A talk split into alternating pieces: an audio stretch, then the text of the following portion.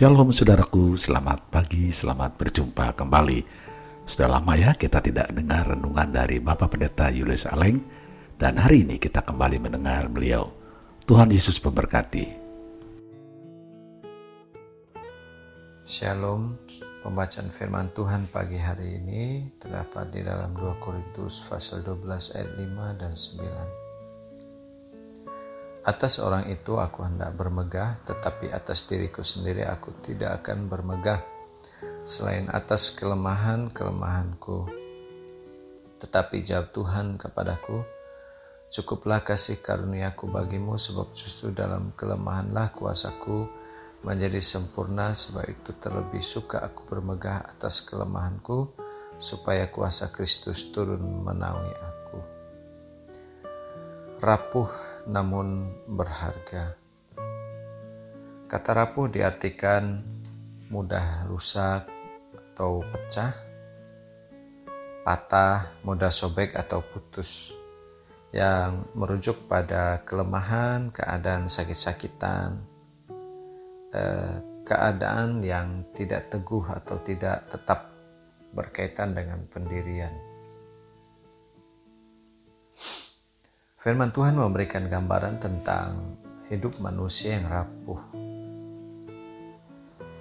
Seperti yang dikatakan oleh firman Tuhan, semua yang hidup adalah seperti rumput dan segala kemuliaannya seperti bunga rumput. Rumput menjadi kering dan bunga gugur. Walau tidak setiap kerapuhan perlu diungkap di khalayak, tetapi kerapuhan tak perlu ditutupi di hadapan Allah. Alkitab menggunakan uh, satu istilah yaitu duri di dalam daging. Sebuah istilah untuk menunjukkan tentang ada hal-hal yang kadang Tuhan izinkan terjadi di dalam hidup uh, seseorang yang percaya kepada Yesus kepada orang-orang yang melayani, kepada hamba Tuhan, para pelayan-pelayan mungkin juga di dalamnya. Seperti ditaruh duri diistilahkan dengan duri di dalam daging. Dan itu ada di dalam daging itu untuk membuat kadang ada rasa sakit sesekali. Dan seperti itu kok tidak diangkat tidak dibuang oleh Tuhan. Nah, kadang rasa sakit itu muncul. Jadi ada tujuannya, saudara-saudara, untuk menunjukkan bahwa benar kita di dalam Kristus punya iman kepada Yesus atau kita melayani Tuhan, rupa-rupanya ada hal-hal yang lemah di dalam diri kita, menunjukkan diri kita yang tidak sempurna, tidak sehebat mungkin yang kita bayangkan. Tapi kita bersyukur bahwa Tuhan izinkan ada duri dalam daging itu mungkin bisa berupa sakit, uh, kekurangan tertentu atau kelemahan tertentu. Namun dalam kerapuhan tersebut Tuhan memilih saudara dan saya. Tuhan memakai hidup saudara dan saya dan hidup saudara dan saya tetap bernilai di hadapan Tuhan. Nah, apa tujuannya? Kenapa saya melayani? Kenapa saya sungguh-sungguh hidup dalam Tuhan? Kenapa mungkin saya jadi hamba Tuhan? Saya menggembalakan atau saya setia taat kepada Tuhan?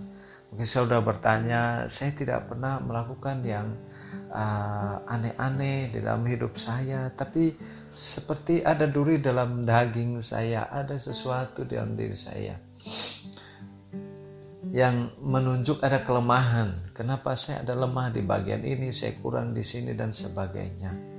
Tujuannya adalah supaya saudara dan saya tidak meninggikan diri. Ada maksud Tuhan di baliknya. Di dalam ayat 7 firman Tuhan kata supaya aku tidak meninggikan diri.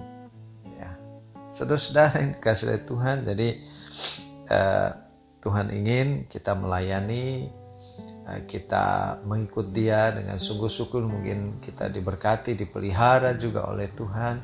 Tapi di saat yang sama eh, Tuhan ingin kita tetap merendahkan hidup kita di hadapannya, merendahkan hati kita di hadapan Allah. Berikutnya ada apa tujuannya? Supaya saudara dan saya bergantung pada Allah semata. Bergantung kepada dia yang memanggil saudara, bergantung kepada dia yang menaruh panggilan itu untuk saudara, bergantung kepada dia yang telah menyelamatkan saudara dan saya.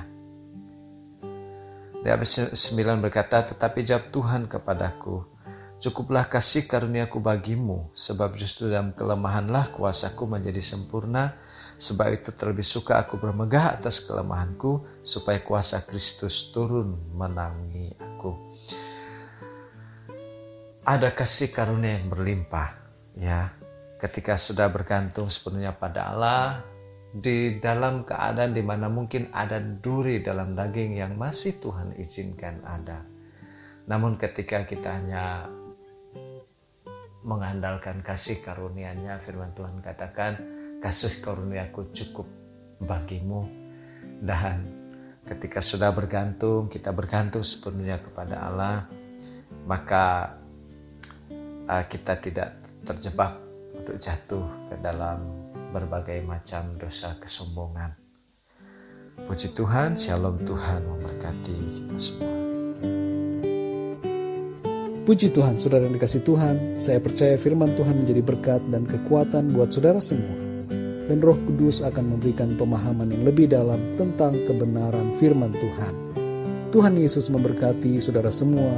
Sampai jumpa dalam renungan yang berikutnya. Haleluya.